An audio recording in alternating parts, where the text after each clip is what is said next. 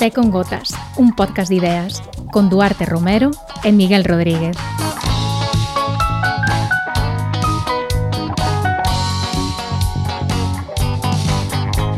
Miguel, que, que é isto? Isto non non parece o té con gotas. Con que con que estamos comezando? E pois estamos comezando cunha nova música porque estamos estreando terceira tempada e estamos estreando terceira etapa e había tamén que, que estrear nova música. Non podíamos continuar cos clásicos da, da política británica. Así que, pois sí, comezamos con, con este tema, esta nova sintonía que está feita expresamente para nós. Que o sí. diría, xa non temos que navegar nas librerías de música gratuita eh, de internet. Eh, é unha música pois que fixo eh, o compositor e músico Ruan, que podedes atopar en Instagram Eh, co nome de Jack Ruan Music e, bueno, mantén aí un pouco as esencias funkies do Tecon Gotas, eu creo que quedou bastante ben. Sí, creo que sí, pero moito camiño lo vamos andado, eh? desde que hai tres anos comezamos con isto, con aqueles microscutres, e agora xa hasta contratamos música e sintonía propia, pero bueno, é eh, parte do do progreso e, e agardemos que esta nova tempada tamén vos guste, porque agora queremos facer algo completamente, non completamente distinto, pero bastante distinto ao que viña sendo o Te con Gotas clásico, a tapa británica do Te con Gotas. Eh, moitos de vos xo saberades, pero, a ver, Miguel, contanos aquí, moi brevemente, en que vai consistir esta nova etapa do Te con Gotas? A ver, resumidamente, se hai que contar isto como se fose un avío de Twitter, antes éramos un podcast de actualidade británica e diáspora galega no Reino Unido, e agora imos ser eh, un podcast de ideas. É certo que xa falábamos de ideas no pasado, pero Creo bueno... Que cando... vai decir un pouco de turra con ideas xa demos, eh? Sí, é algo que, bueno, era unha terceira pata do noso podcast antes, pero cando falamos de ideas, pois non falamos de ideas para amoblar a cociña ou o salón. Que tamén falamos... tería gracia. E algunha vez algunha idea de cociña demos, eh? Eh, sí, bueno, eu se si se trata de amoblar a cociña eh, non teño claro que as miñas ideas vayan a ser moi eh, positivas ou productivas, pero bueno, eh, imos falar máis ben de ideas pois sobre eh, propostas, eh, iniciativas que se están a levar a cabo polo mundo adiante, pois para mellorar o mundo, así un pouco en xeral, para mellorar a sociedade actual, para facer fronte aos grandes retos que temos hoxe en día, como retos pois do cambio climático, da vivenda, a, das condicións laborais. Non imos aquí a tratar de pontificar identificar, nós non somos expertos de nada, simplemente pois imos tratar de facernos eco de proxectos piloto que se están levando a cabo polo mundo adiante, que están achegando conclusións interesantes, estudios que se están a facer desde desde think tanks e explicalos un pouco na liña dese xornalismo de, de solucións mm. que, que está agora tan de moda pois nalgúns países anglosaxóns onde moi ben, sabemos que hai problemas, pero imos tamén falar de eh, alternativas, de propostas que se están poñendo en marcha pois para darlle solución. Como veredes, moitos dos temas os que vamos a falar son moi complexos, non hai solucións máxicas, os, os problemas son, sempre dicimos, son sinxelos, pero as solucións son complicadas.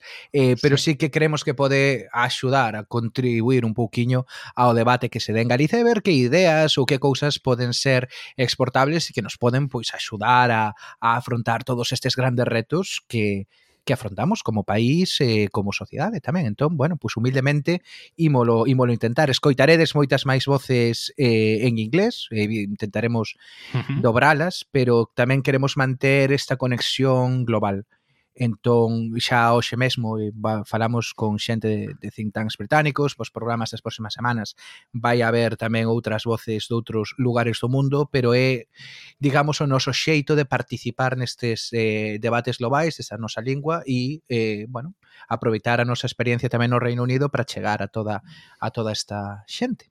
Claro, pois iredes vos facendo unha idea dos asuntos que imos eh, tratar esta tempada, pois coa práctica, escoitando os nosos podcast. Eh, por exemplo, hoxe imos comezar cun asunto moi de actualidade eh, en todo o mundo, que é a cuestión da xornada laboral de 4 días á semana.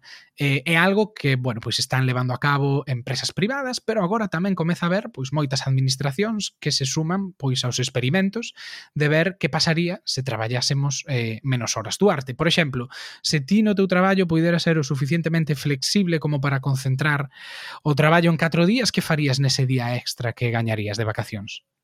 Ah, pois non sei, que faría? Bueno, eu creo que por unha banda quizáis se dedicaría máis tempo ás redes sociais do Teo con Gotes, porque é algo que temos moitas veces moi abandonado e, e dedicaría aí algo máis de tempo a iso, pero bueno, isto así caso concreto, así máis nun ámbito xeral a idea de coller un hobby novo ou, ou traballar nun proxecto que me poida gustar máis alá do meu do meu traballo, pois creo que algo no que lle dedicaría ese día extra ou esas ou esas horas extra. A veces coller proxectos como este, non, que son así máis voluntariosos, é duro ao final do, do día e se tivese máis máis tempo libre, pois sería, eu creo, máis máis parcenteiro.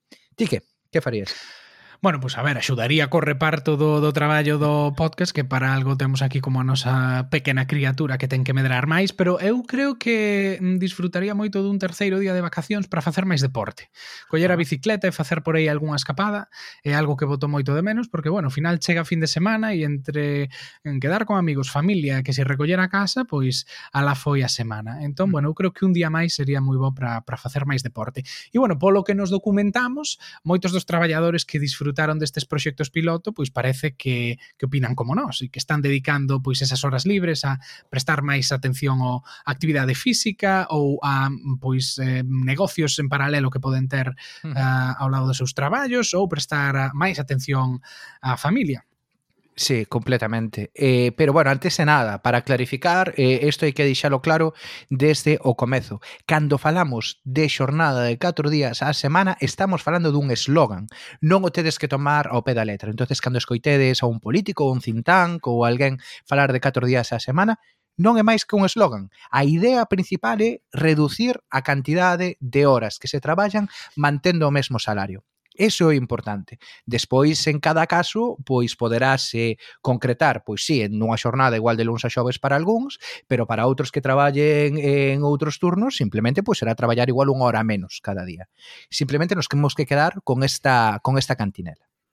Claro, ten, ten moitas formas eh, e pode plasmarse de xeitos moi diferentes. Eh, bueno, pois, por exemplo, vémolos no, no, nos diferentes experimentos que se están a poñer en riba da mesa eh, claro. en, en todo o mundo. Non? Por exemplo, aquí no, no caso do, do Estado español, pois eh, tampouco somos alleos a, a esta demanda uh -huh. e o Goberno Central pois agora xa ten orzamentados 50 millóns de euros para poñer en marcha pois un proxecto piloto deste estilo. Non? Uh -huh. É certo que, bueno, por parte do Goberno goberno parece ser que non están moi a favor de ensayar cunha xornada laboral de 4 días, eles eh, pois son máis favorables a apostar por unha xornada de 35 horas, algo que, por exemplo, xa se implantou en Francia a comezos de século, a pesar de que agora está moi desvirtuado, houve moita mm. flexibilización, pero bueno, son máis favorables a atender a unha reducción cara a 35 horas eh, e non tanto cara, eh, pois eso, eses 4 días de traballo, 32 horas semanais, que era a proposta inicial que fixo eh, no caso do Estado español,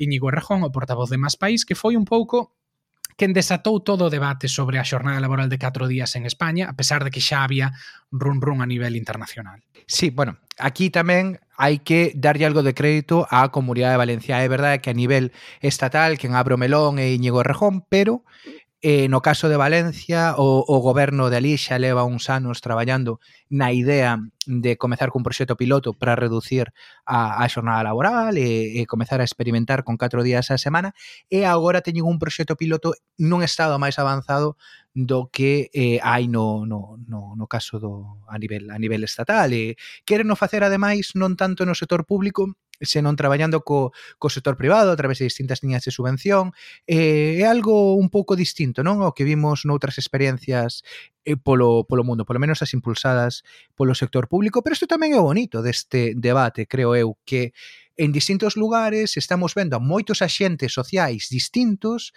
eh, afrontar pois este reto ou esta idea de querer reducir a xornada laboral de xeitos eh, moi distintos, non? Sí, porque tamén hai, hai empresas que están tomando a mm. iniciativa. Eh, a nivel internacional probablemente poidamos falar de tres casos. Un en Xapón con Microsoft, que mm. ensayaron eh, tamén este, este sistema de 4 días de traballo a semana, e en Nova Zelanda eh, con Unilever e Perpetual Guardian, que son dúas empresas, bueno, dúas grandes empresas, onde pois tamén eh, levaron a cabo proxectos piloto deste estilo. Uh -huh. E, e claro, isto é o caso das empresas, pero tamén na, na propia administración pública, pois, pois está comezando a haber proxectos deste tipo. Por exemplo, aquí no, eh, no Reino Unido volvemos a, a matriz originaria do té con gotas, no caso de Escocia, hai moi pouquiño, a ver a cuestión de un par de meses, no? anunciou sí. anunciou que o goberno quería comezar a facer un proxecto piloto cos seus propios traballadores para ver se se podía traballar pois catro, catro días a semana. Entonces estamos vendo que este mesmo debate eh, se está dando en moitos países, que se está dando no sector público, está se dando nas empresas eh, coa mesma idea de reducir a xornada laboral. Claro, porque isto da reducción da xornada laboral non é algo novo, é algo que está aí un pouco a medio camiño entre entre a utopía e o inevitable, porque mm. basicamente desde pois, pues, prácticamente a, a revolución industrial do século XIX houbo sempre unha reivindicación do movimento obreiro por gañar máis tempo libre eh, para, para os traballadores, é dicir, xa a comezos do século XIX, cando se comezan a, a implantar as máquinas nas fábricas, a inercia de moitos empresarios ao comezo comezo, pois era eh, exixir máis horas de traballo. De feito, no Reino Unido chegaron a reducirse eh, días eh, libres porque os empresarios o que querían era ter as máquinas producindo continuamente e que non estiveran ociosas. Pero claro, iso o que acabou derivando pois foi en traballadores eh, pois que rendían moito menos porque estaban máis cansos, en protestas polas condicións laborais E xa no século XIX, pois ap apareceron empresarios que, bueno, pois mm, cun pouco máis de sensibilidade social que comezaron a ensayar con xornadas máis reducidas. E algúns deles pois concluíron que permitindo os traballadores entrar ás 8 da mañá en lugar das 6, pois os empregados chegaban almorzados e pois eran máis productivos e traballaban de xeito máis eficiente. E no, nos 150 anos que seguiron a estas primeiras eh, prácticas de empresarios así máis filántropos, pois eh, continuou continuaron se continuou avanzando nesta reducción da xornada laboral hasta a conquista pois da xornada laboral de 8 horas ou o propio concepto das vacacións pagadas, que mm. foron avances que non viñeron caídos do ceo gracias á beneficencia de empresarios, sino que tiven taberon o, o, o respaldo doutras patas, como foi o Estado, que se encargaba pois de blindar legalmente eses dereitos laborais e tamén sobre todo o movemento sindical, que fixo moita presión para que se conseguiran eses dereitos. Claro, eh, claro, claro, completamente. Tamén son un poquinho das mesmas patas que estamos vendo pois neste neste debate da reducción da xornada. Vemos a, a algunhas empresas que o queren eh, o, o comezan a implantar de xeito autónomo, pero tamén hai moitísima presión por parte de sindicatos ou, ou de, de bueno, do Estado ou de, ou de organizacións políticas. Pero a ver, vámonos a a debullar un pouquiño esta, esta proposta. Vamos a intentar ver cales son os pros e os contras que tería unha reducción da, da xornada laboral, xa sexa 4 días ou, ou, ou a outro ou a outro tipo de, de, de forma de reducción. Quizáis unha das, das cousas que máis se, se menciona é que habería un aumento da produtividade. A idea é que en moitos sectores e isto vémolo pois en moitas das empresas que de xeito voluntario están comezando a asumir isto, sobre todo empresas que, que, que, que son máis de, do coñecemento, parten parten da base de que se un traballador eh, gasta menos eh, menos horas en, en, en estar pues, diante da pantalla ou asistindo a reunións, vai a producir, eh, vai a ser capaz de producir máis, eh, máis por hora, porque vai estar máis descansado, porque vai, eh, vai estar máis motivado, e, e tamén hai unha cuestión que temos que asumir, é unha, unha realidade, non o feito de traballar moitas horas non che fai necesariamente máis productivo. Un dos países nos que máis se de Europa, dos que máis se máis horas se traballa, cal é? Sábelo. Eh, no. Islandia. Grecia, Grecia. Ah, Grecia. Vale, un dos países nos que máis traballa Grecia e ao mesmo tempo un dos países que ten menos produtividade. O propio Estado español tamén está na lista de países con eh, con máis horas traballadas de Europa e é un país con, con relativamente baixa produtividade. Entón, traballar máis horas non necesariamente implica que vayas a ser máis productivo. Isto é unha das eh, das vantaxes, non? Que eu creo que te, ou creo, non sou creo que digamos os que defenden esta esta campaña eh, creen que tería reducir a xornada. Cantos venres non pasaríamos na oficina preguntándonos que carallo facíamos ali e canto mellor non sería estar na casa porque non estábamos facendo literalmente nada. Sí. E non necesariamente despois de unha festa da empresa, non? Moitos mm. venres normais. Polo bueno, menos... Por se acaso escoita escoita isto no, na miña, no meu traballo, non, eu a min eso nunca me pasou. Bueno, pero claro, non, non é só a produtividade, senón que hai outros argumentos a favor, sí. como por exemplo a mellora da conciliación familiar. Claro. Os defensores eh, dunha xornada máis reducida, pois eh, o, o que din é que pois permitiría un mellor reparto das eh, labores domésticas e que por así dicilo, os homes se implicasen máis eh, no, nos traballos do fogar claro. e no cuidado dos nenos, por exemplo, igual que tamén eh, traería consigo unha mellora na satisfacción do traballo, pois parece ser eh, que, cando se traballa menos horas a xente pois é máis feliz. Eh, que, que, que, que, que o iba a imaginar, eh? Exacto, no, quen, quen o iba a imaginar. Entón, bueno, é certo que nos últimos anos sí que están aumentando eh, de acordo coa OECD, a OECD, Sí, estás mesturando a pronunciación en inglés, Inglés non? coa eh, española, sí, eh. efectivamente. Eh, OCDE. Sí efectivamente, vale, OCDE en español, eh, que a proporción de traballadores que nos países occidentais están máis queimados co seu traballo, mm. nas últimas décadas aumentou. Mm. Entón, bueno, pois parece que medidas como esta eh, posiblemente poderán axudar a, claro. a reducir a insatisfacción co traballo e os problemas de saúde mental derivados eh, diso. Claro, hai unha cousa que acabas de comentar que me pareceu moi interesante cando falas do tema da conciliación eh, da conciliación familiar e eh, de que pode permitir pois un maior e eh, mellor reparto das tarefas domésticas. Aí tamén hai unha, unha cuestión que que na maior parte dos países occidentais as mulleres tenden a eh, asumir máis contratos eh, da tempo parcial precisamente para eh, podelo compatibilizar cos coidados. E isto é pois, unha das causas que leva despois a fenda salarial, e, bueno, a, a que haxa menos mulleres en postos directivos, porque elas asumen eh, moito máis os, os, os, eh, os coidados do que asumimos os homes. Unha reducción da xornada laboral, eh, eu creo que tamén podería eh, permitir pois que menos mulleres collesen eses contratos a tempo parcial porque sería máis doado xa dun xeito natural eh, que houvese ese, ese reparto de, eh, de tarefas un xeito máis eh, máis equilibrado. Entón, por aí tamén se podería notar e podería ser outra das vantaxas eh, deste deste novo modelo.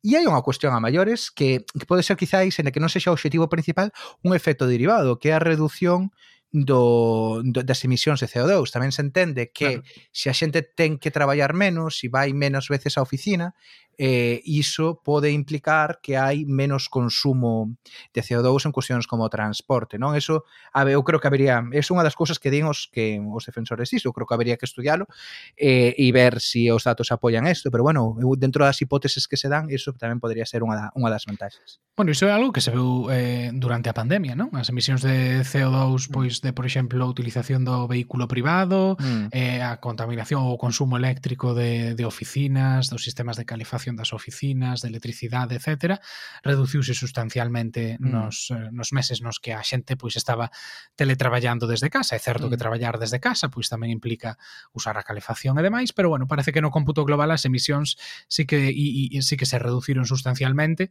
e, e había moitos mapas, non, de grandes capitais mm. europeas vendo como uh, os índices de polución eran bastante máis reducidos que que en nos tempos eh, prepandemia. Pero bueno, hai tamén contras, non, non, non, todo, non todo é positivo. E, e, e un dos principais contras, se cadra o máis obvio, é é que pois unha xornada de 4 días eh, de traballo a semana, pois probablemente non sería viable en todos os sectores. Eh, estamos pensando pois o mellor en sectores intensivos en coñecemento onde o mellor sí que é máis fácil porque a importancia non recae tanto na presencialidade como en cumplir cuns obxectivos, en cumplir mm. cuns proxectos finais que teñen unha data límite. É que pois eh, mentre se cumple esa data límite, organícese usted eh, como mellor eh, prefira, pero por exemplo exemplo, no sector da hostelería, pois sí que sería máis eh, complicado eh, poñer unha xornada deste estilo se o empresario non contrata máis xente pois para para cubrir os traballadores que, que estarían libro, librando e, e traballando menos días. Hmm, sí, e iso tamén pode outra das contras que, que se menciona aquí, iso tamén podría ter un impacto na prestación de servizo que eh, se se traballa 4 días eh, pois podría implicar pechar un, un máis e isto pois afectaría a calidade de determinados servizos que, que se están prestando. Estas son outra das, eh, das contras non que a xente que, que non é partidario disto menciona. Pero unha cousa que creo que nos quedou no tinteiro e eh, que tamén tiñamos que, que mencionar é é que unha, un dos pros, quizáis os máis interesantes de, de reducir a xornada laboral é que é un xeito de digamos, redistribuir dun xeito máis equitativo as vantaxas que, que achegaría a automatización. Tamén. Se agora estamos falando de que moitos dos postos de traballo que existen actualmente nos vindeiros anos se van a poder facer con, con máquinas, aí vai haber un debate moi importante de a quen vai, de a quen vai a beneficiar isto se mantemos o mismo número de, de horas, eh, o beneficio aí sería eh, fundamentalmente pues, para o empresario, no sentido de que faría falta menos man de obra, menos traballadores, e a través da, eh, pues, destas eh, innovacións tecnolóxicas, eh, eso permitiría aumentar os beneficios, e a outra opción tamén mm, que sería pues, manter un emprego máis semellante en número de persoas o que hai agora, pero reducindo a cantidade de horas eh, traballadas. entonces nese sentido, que se beneficiaría da automatización sería máis o mundo do traballo. Esta é outra, bueno, outra cousa que creo que compre ter en conta cando se fala da, da reducción do, da, da, da xornada laboral. Vale, pero todo isto no plano teórico está moi ben, pero realmente funciona. Bueno, pois hai datos que apuntan a que sí, e aquí no Te con Gotas documentámonos e, e limos bastante sobre un proxecto piloto que se levou a cabo en, en Islandia nos últimos anos. Para facelo, pois non só limos os informes que se publicaron, sino que tamén falamos con alguén que estivo moi de preto seguindo os resultados daquele experimento. El chamase Jack Kellam, é doutorado pola Universidade de Cambridge, que iso sempre dá algo de prestixio, e é investigador mm, de Autonomy, un think tank Bank británico que, bueno, pues se dedica a, a estudar o futuro do mundo do traballo e tamén a asesorar a empresas e a administracións, como é o caso da, da comunidade valenciana, eh, a respecto de como implantar pois un, unha xornada laboral eh, máis mm, reducida. Pero antes de, de entrar, pois, ou de darlle a palabra, eh, allá Jack, imos intentar entender que, que se quixo facer en Islandia e eh, por que este, este piloto é particularmente interesante ou particularmente importante. En primeiro lugar, hai unha, unha cuestión clave que é que no caso islandés eh, participaron nestes proxectos, non, non un único proxecto, nunha serie de proxectos piloto ao redor de 2.500 traballadores, que igual a priori parecen poucos, pero Islandia é moi pequeniño. Entón, eh, estamos falando dun, dun país que ten casi o tamaño de Vigo. En, así que un 2.500 traballadores representaban preto do 1% da súa forza de traballo. Entón foi é bastante representativo ou impactou a un número ou unha porcentaxe importante de tra, de, de traballadores. É moi interesante ver tamén como comezou isto. Isto eh, foi unha iniciativa que partiu da sociedade civil que quería pois comezar a experimentar con isto de traballar menos eh, menos horas. E, inicialmente, por aló polo 2014-2015, o primeiro proxecto piloto foi na cidade de Reykjavik, que, por certo, é prácticamente toda Islandia, pero bueno, foi no Concello de, de Reykjavik e comezouse a traballar pois, con algúns eh, empregados de, de oficinas pois reducindo o seu, o seu, a súa xornada laboral. É importante aquí destacar unha cuestión, non se pasou directamente a unha xornada de 4 días, Islandia é dos países da, eh, pois, en torno europeo nos que máis horas se traballa, eh, entonces pasouse pois, de unha media de 40 e pico horas a traballar sobre 35-36, eh, non, non eso, non son 4 días, non a baixada de 32, pero foi unha, unha reducción importante. E, bueno, a raíz do éxito eh, do proxecto piloto de Reykjavik estendeuse a outras eh, ramas do goberno a nivel a nivel nacional e aí, e esta é unha das cousas máis interesantes que, que tivo este proxecto, foise máis aló dos traballadores de oficinas e comenzáronse a incorporar determinados traballos que teñen, digamos, un, unhas rotas un poquinho máis complicadas. Participou xente en hospitais, participaron policías, é dicir, profesións ou postos de traballo que a priori é máis difícil o reducir a xornada polos motivos que explicamos antes eh, nas contras. É moi interesante entón ver como nestes distintos postos tiveron que planificar ou adaptarse para poder eh, facer esta reducción da xornada. Isto foi o que nos contou Jack Kellam.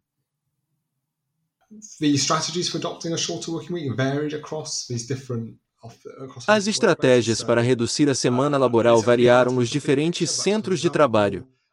Em oficinas fizeram-se coisas como eliminar reuniões innecessárias, ou solucionar por correio eletrônico as coisas que se podiam solucionar por correio eletrônico. Em definitiva, muitos dos processos estándar que faria se queres que um centro de trabalho seja mais produtivo. Também foi importante assegurar-se de que os trabalhadores tinham tempo suficiente para concentrar-se no seu trabalho, que é algo cada vez mais difícil no centro de trabalho moderno e que neste caso tivos em consideração.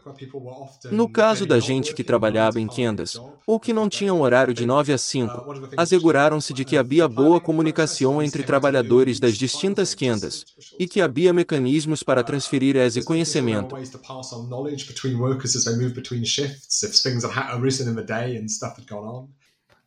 Claro, da planificación é especialmente importante porque hai que ter en conta que neste caso o proxecto piloto fíxose a custe cero, é dicir, os managers tiñan que organizar os seus equipos tendo en conta que non ian ter máis cartos para contratar contratar persoal extra en caso de que fose necesario, uh -huh. polo feito de que o resto estiveran traballando menos horas. Entón, claro, aí o diálogo e o debate entre os traballadores e os managers sobre como poderían organizarse internamente de xeito máis eficiente foi fundamental e iso é algo que, que destacan eh, neste estudo. Pero bueno, e, e cales son as conclusións que, que achegan pois eh, estes análises do proxecto piloto? Bueno, pois podemos dicir que eh, gran grande parte das hipóteses das que falábamos ao comezo se cumpren, porque neste caso a productividade e a calidade dos servizos se mantiveron, claro. Vos pensaredes como se mide a productividade na administración pública? Bueno, pois Jack nos contaba que, por exemplo, no Departamento de Policía, pois teñen certas ratios a respecto do tempo que eh, tarda a policía en resolver certos crimes, certos casos que eh, pois se mantiveron durante todo este proxecto piloto ou que, por exemplo, pois eh, o feito de que un cidadán vai a facer un trámite administrativo pois non pasou a tardar máis tempo en, en finalizarse por moito que os traballadores da administración pois tiveran unha xornada eh, máis reducida. Tamén tivo consecuencias positivas eh, Eh, no, re, no resto da economía e da sociedade. A min isto chamoume moito a atención, porque neste estudo o que din é que despois deste proxecto piloto na administración, ata un 86% da forza de traballo da, do conxunto de Islandia disfruta agora de xornadas laborais máis reducidas ou polo menos ten acceso a xornadas laborais máis reducidas, o que, bueno, pois dá a indicar que eh, esta iniciativa foi un pouco a vanguarda ou a punta de lanza dun cambio que acabaría extendéndose ao conxunto da sociedade. Claro, pero aquí había unha cousa, eu cando estaba tamén lendo o informe eu pensaba, eh, non será que moitos eses traballadores que en teoría están neste programa piloto e que están reducindo as súas horas, despois pois acaban ao final facendo máis horas extras ou acaban traballando máis tempo desde desde a casa e que diga, digamos que este resultado igual están un pouco un pouco inflados. Este tamén é un argumento que moitos detractores este, desta reducción de xornada pois tamén di, dicían. Eh, a verdade é que preguntamos a, a Jack por isto e eh, isto foi, isto foi o que nos contou. In Iceland, uh, they were quite effective at making sure that the, that people who were supposed to be on reduced hours did Em Islândia foram muito efetivos assegurando-se de que a gente que tinha que trabalhar num horário reduzido realmente trabalhava menos tempo. Na maioria dos centros de trabalho, animava-se aos empregados a que monitorizassem o tempo trabalhado. Isto normalmente estava impulsado pelos chefes, o que demonstra a importância do liderado neste projeto. Com uma cultura laboral saudável, Numas semanas foram capazes de ajustar-se ao novo horário. De um jeito mais geral, é importante que as organizações que queiram passar a uma semana laboral de quatro dias, o fazem com um programa mais amplo de políticas que precisamos para uma economia do século XXI. Em Autonome cremos que coisas como o direito a desconectar do trabalho são um complemento muito importante. Por exemplo, no Reino Unido não temos nenhum princípio legal que garanta que os trabalhadores tenham o direito a desconectar do trabalho fora do seu horário. Cremos que está em uma medida muito importante, particularmente se se aplica ao mesmo tempo que a semana de quatro dias. É um jeito de garantir que os empregados realmente trabalhem menos horas, se a empresa decide ir para uma jornada laboral reduzida actually see their employees moving to those shorter working hours. Claro, entón, segundo que como, como acabamos de escoitar, eh, isto é algo que evidentemente preocupaba aos managers, pero parece ser pois que en liñas xerais foron capaces de evitar traballar todas estas eh, horas extras. Entón, a nivel da, dos resultados sociais, os que falábamos antes, como, como foron os resultados deste, deste piloto? Pois polo que liamos no, no informe, polo que reportaron os propios traballadores, eh, a verdade é que cumpríronse tamén moitas das, das cuestións que comentamos eh, no, anteriormente. Houve unha reducción do estrés, a xente estaba máis contenta co, co traballo, tiña máis eh, máis tempo libre, pois para pasar eh, coa familia ou incluso pois para facer actividades como que dicía Miguel antes, para para facer máis deporte. Claro, ou novos hobbies, quen sabe se si apareceu algún podcast en Islandia grazas a ter pois máis eh, máis tempo libre. Sí. E a, a parte quizáis eh, tamén do que mencionábamos antes que tivo un impacto, pois foi unha maior eh, digamos que houve máis homes que se involucraron na, eh, no reparto das, eh, das tarefas eh, domésticas e tamén moitas mulleres recoñecían pois, como algo como algo positivo que a elas se axudou pois, a chegar a un reparto máis máis equitativo tanto dos cuidados como eh, como das tarefas. Eh, nesta liña, eh, polo que nos contaba tamén Jack, os resultados, tal como eles o viron desde Autonomy, foron tamén bastante positivos. Ben, pero isto foi o caso de Islandia. Pero aquí, no Te con Gotas, pois tamén queremos ter un pé posto en Galiza porque non só padecemos os cambios uh, das dinámicas internacionais, senón que aquí tamén hai xente e hai empresas pois que toman a iniciativa e que son vanguarda. Este é o caso de Tarlogic, unha empresa con sede en Teo, eh, centrada no sector da, da ciberseguridade, que xa puxo en práctica desde hai un tempo a xornada laboral de 14 catro días. Temos que entender, pois, que unha empresa deste estilo que se dedica basicamente a protexer a outras empresas dos ataques dos uh, hackers é unha empresa pois moi intensiva en coñecemento, non? Imaginade pois o típico traballo dun programador ou dunha persoa que pasa ce, o 100% eh, a xornada laboral diante do ordenador e que, como dicíamos antes, se basea máis en proxectos antes que en presencialidade. Non é unha cuestión de estar diante da oficina necesariamente, sino de cumplir con certos proxectos e con traballos eh, específicos. Para isto falamos co CEO de Tarlogic, Andrés eh, Tarasco, que nos contou cales foron os motivos que o levaron a apostar pola xornada de 4 días. Realmente non no hai una sola razón, digamos que forma parte de nuestra, de nuestra estrategia a, a medio y largo plazo. Eh, digamos que nosotros, como empresa tecnológica que somos, luchamos por el, por el talento, por, por contratar a los mejores profesionales en el, en el mercado. Y, bueno, desde luego la jornada de cuatro días es una razón fundamental para, para, retener, para retener talento. Queremos a los mejores profesionales, queremos darles las mejores condiciones de trabajo posible, tanto a nivel salarial como, como, de, como de flexibilidad. ¿Qué es lo que, con qué nos encontramos? Bueno, pues eh, realmente por mucho que queramos eh, subir los salarios, hay cierto umbral que por las condiciones económicas en este país es, es complicado. ¿no? no podemos llegar a competir con salarios globales de otro tipo de compañías afincadas pues, en Estados Unidos o en otros países europeos. Entonces, bueno, eh, hemos intentado mejorar al máximo la parte de condiciones eh, salariales, pero donde sí tenemos mano de, para tocar, pues es en otro tipo de, condiciones, como por ejemplo, pues eh, reducción de, jornada, meter una jornada laboral de cuatro días. Eh, además, bueno, siempre hemos querido tener una empresa en la que tuviésemos unas condiciones laborales en las que nos sintiésemos eh, orgullosos. Y al final, eh, trabajar o ir en la vida de una jornada laboral de cuatro días, pues ayuda a la, a la, a la conciliación laboral de los trabajadores de Tarlogic. O caso de Terlolle que é particularmente interesante porque aquí funcionou o ensaio e erro. Na primeira proposta que fixeron non saliu moi ben ou non tan ben como contaban e agora xa están nunha segunda fase na que precisamente están intentando pulir ou limitar algúns dos problemas que atoparon nun primeiro momento. Bueno, primero decir que el, por, el, por nuestro trabajo, que al final requiere mucha concentración, es un trabajo intelectualmente muy exigente, eh, pues una de las ideas que teníamos es que reducir las horas de trabajo pues ayuda, ayuda a maximizar el rendimiento. Sin embargo, cuando, cuando planteamos el piloto el, año pasado, lo que intentamos fue concentrar la jornada laboral de cinco días en cuatro días.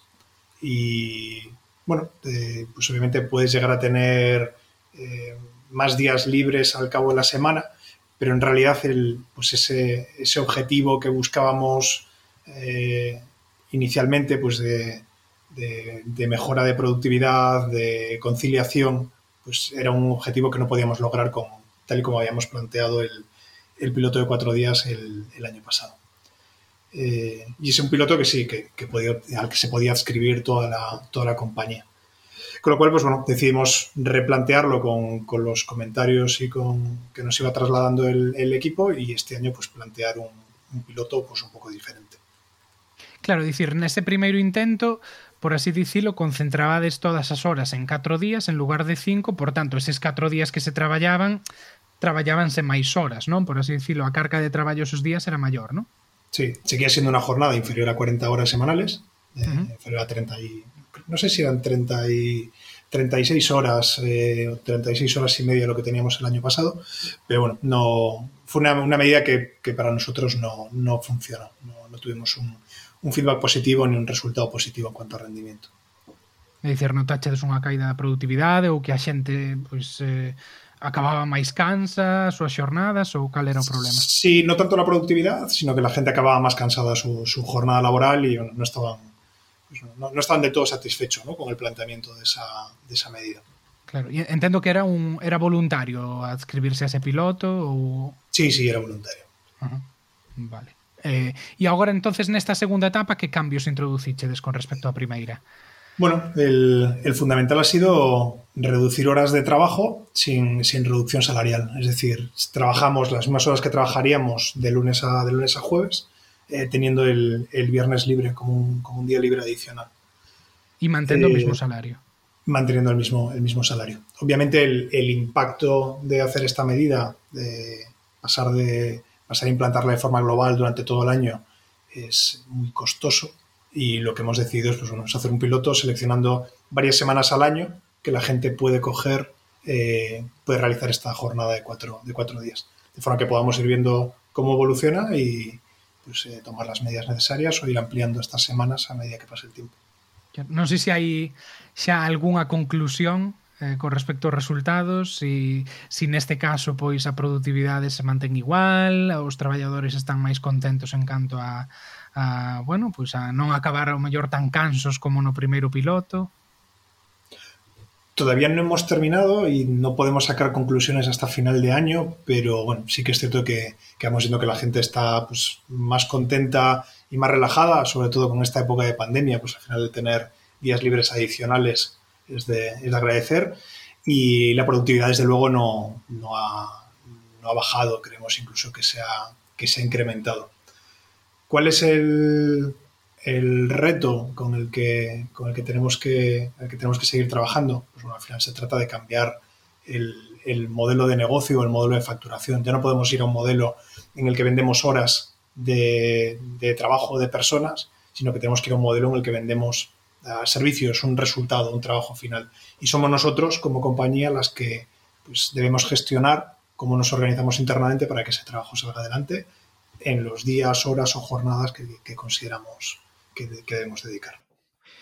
Bueno, Miguel, pois eh, a ver, acabamos de escoitar aquí a, Andrés Tarascó desde Teo, escoitamos antes a Jack Kellam desde Cardiff falarnos de, de, de Reykjavik. Eh, ti que estás eh, na Coruña, que conclusión sacaches disto da xornada laboral de 4 días? Bueno, pois eh, polo de pronto e polo que vimos que parece ser que moitas desas hipóteses pois son certas e que é certo que se pode traballar menos e eh, non perder productividade, o que a priori desde logo pois me parece me parece ben. Eh, como traballador e pensando na sociedade en xeral, Mm, eh, isto a min eu vendo un pouco en perspectiva histórica e era o que falábamos ao comezo do programa a min pareceme ata certo punto inevitable quero dicir, desde o século XIX eh, pois leva vendo unha continua loita por reducir a xornada laboral por ter máis tempo libre e a verdade é que agora cando pois un eh, ve eh, a, a automatización que está a ver eh, de moitos eh, procesos, de moitos traballos, e non só iso, senón a existencia de traballos eh, pois que son máis flexibles, onde as horas que un pase traballando non son tan importantes como cumprir cunhas eh, datas de entrega, por así dicilo, pois eu creo que isto Eh, o avance disto pois pode ser bastante inevitable, polo menos en certos sectores, o cal eh, me causa certa inquedanza, porque mm, eh, eu creo que isto podería levar, se non se xestiona de xeito axeitado, a que haxa unha diferenza, por así dicilo, moi grande entre os traballadores do sector público e os traballadores do sector privado, en caso de que, por exemplo, pois aquí no Estado español se implantase primeiro na administración pública, ou entre os traballadores de eh, eh, pois profesións máis eso, intensivas en coñecemento e, e os traballadores onde a presencialidade é máis importante, mm. como pode ser o caso dun restaurante. É unha dúbida e unha inquedanza que xa me xurdiu tamén na época do, da pandemia, mm. cando quen podíamos teletraballar o facíamos desde casa e tiñamos ese privilexio, mentres que outros moitos traballadores que traballaban en tendas, que traballaban na obra, tiñan que estar eh, presencialmente ali ou que traballaban no transporte, E dame medo que, bueno, pois que se cadra este tipo de novas medidas, se non se implantan de xeito homoxéneo na economía, pois poidan levar a a, a divisións dentro dos mm. traballadores que faigan sentir a algúns pois eh, como privilexiados por a, mm. uh, por así dicilo. Mm. Pero bueno, iso pois está está aberto e e está sobre a mesa facer que a implantación non sexa así.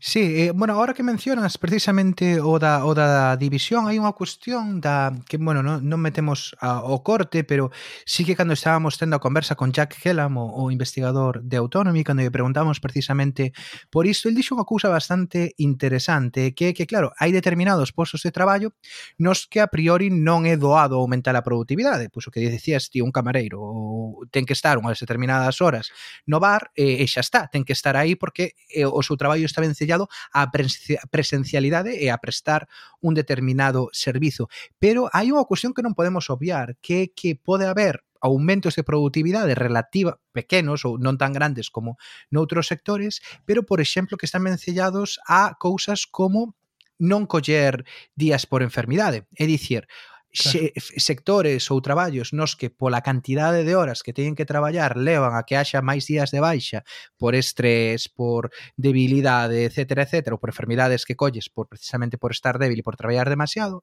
que en canto isto se, se, se, se estende a unha parte moi importante da economía, globalmente a productividade remata aumentando porque a xente ponse menos enferma. E isto, bueno, tamén é algo tamén é algo a ter en conta, pero para tamén para solucionar os casos do que de, de que estás dicindo aquí, pois tamén hai outras propostas políticas que hai que que hai que estudar e que hai que e que hai que avaliar, por exemplo creo que era algo que se está eh, o que eh, parecido que están estudando na Comunidade Valenciana ou que propuxo Errejón e que tamén se falou eh, aquí no Reino Unido cando foi este debate que igual o Estado sí que ten que compensar económicamente, polo menos nunha primeira fase, ás empresas que para facer esta reducción de xornada teñan que contratar, porque sí que igual unha empresa como Tarlogic lle é moito máis doado baixar as horas en contratar, pero en outros sectores vai haber que contratar. Entonces iso sí que nos permitiría aumentar a aumentar a contratación, aumentar o emprego, Sí que é verdade que habería un certo custe público, pero claro, os beneficios sociais tamén serían eh, moi importantes.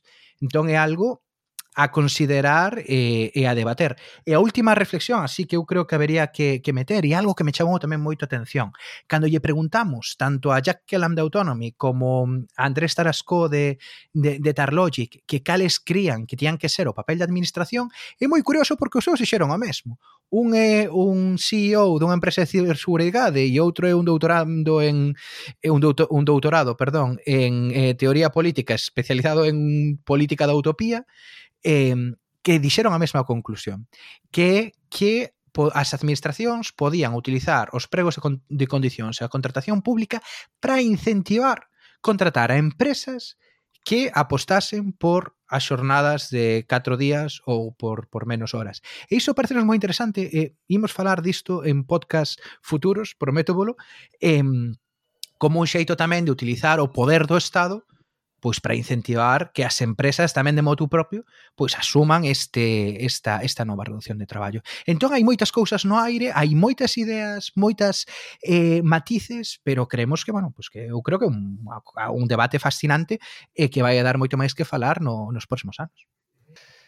En todo caso, e como ven acontecendo ao longo da historia, semella que avanzar na xornada laboral de 4 días ou nunha xornada laboral máis reducida, pois eh, dependerá do apoio de tres axentes, por así dicilo, pois por un lado a sociedade civil, empresas como Tarlogic que deciden innovar e tomar a iniciativa, por un lado a administración, como acontece no caso de Islandia, da comunidade valenciana ou agora mm, tamén de Escocia e tamén do sindicalismo, os traballadores organizados pois que eh, reivindican algo que, que, que ven sendo unha reivindicación do mundo obreiro desde, desde que existe o capitalismo, que é pois ter xornadas máis reducidas para disfrutar máis do tempo libre. Isto vai en liña pois cunha das eh, conclusións que nos deu para finalizar eh, Jack Kellam.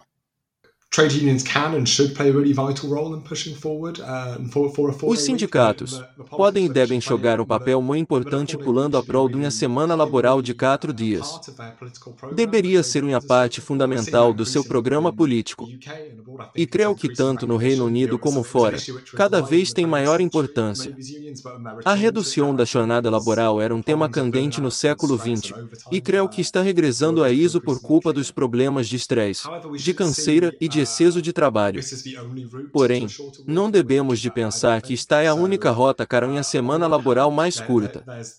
Por uma banda está a possibilidade de consegui-lo através de legislação, tanto a nível nacional como subnacional. Pero também estamos vendo cada vez mais empresas do setor privado caminhar nesta direção, ao ver os resultados dos projetos pilotos de uma semana laboral mais curta.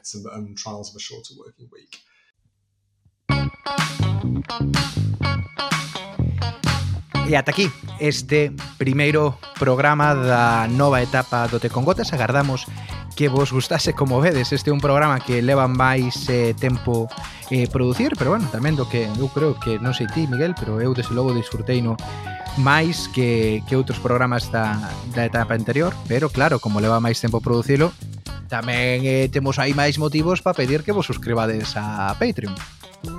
Claro, xa sabedes que continuamos, a pesar de que estamos nunha nova tempada e xa non somos a etapa británica, pois eh, queremos que nos apoyedes, queremos eh, pois recibir o voso financiamento para mellorar este podcast, así que xa sabedes que podedes facervos membros da nosa comunidade en www.patreon.com barra tecongotas. Aí, como sempre, pois hai catro modalidades de, de suscripción e en función do que acheguedes, pois tamén poderedes recibir algún que outro eh, regalo apoialo. Así que nada, ademais diso, pois xa sabedes que seguimos presentes en redes sociais, a pesar de que de momento non temos unha xornada de 4 días, pois trataremos de facer o posible e continuar presentes en redes sociais, en Facebook, en Instagram e en Twitter e ali pois podedes eh, facer calquera suxerencia de tema ou dar a vosa opinión pois sobre este novo formato. Todo o feedback é benvido porque estamos pois nunha nova etapa na que nos mesmos tamén estamos facendo un pouco de ensaio-error. Agardamos que, que vos eh, guste moito este novo formato e que vos achegase novas ideas e esteades agora motivados para, para impulsar eh, este tipo de cambios si tedes empresas, por exemplo. E, e máis nada, escoitámonos a próxima semana. Agradecementos antes de marchar a Ruán pola música, Noemí Alonso certo. pola voz eh, da intro e agora sí escoitámonos en dúas semanas.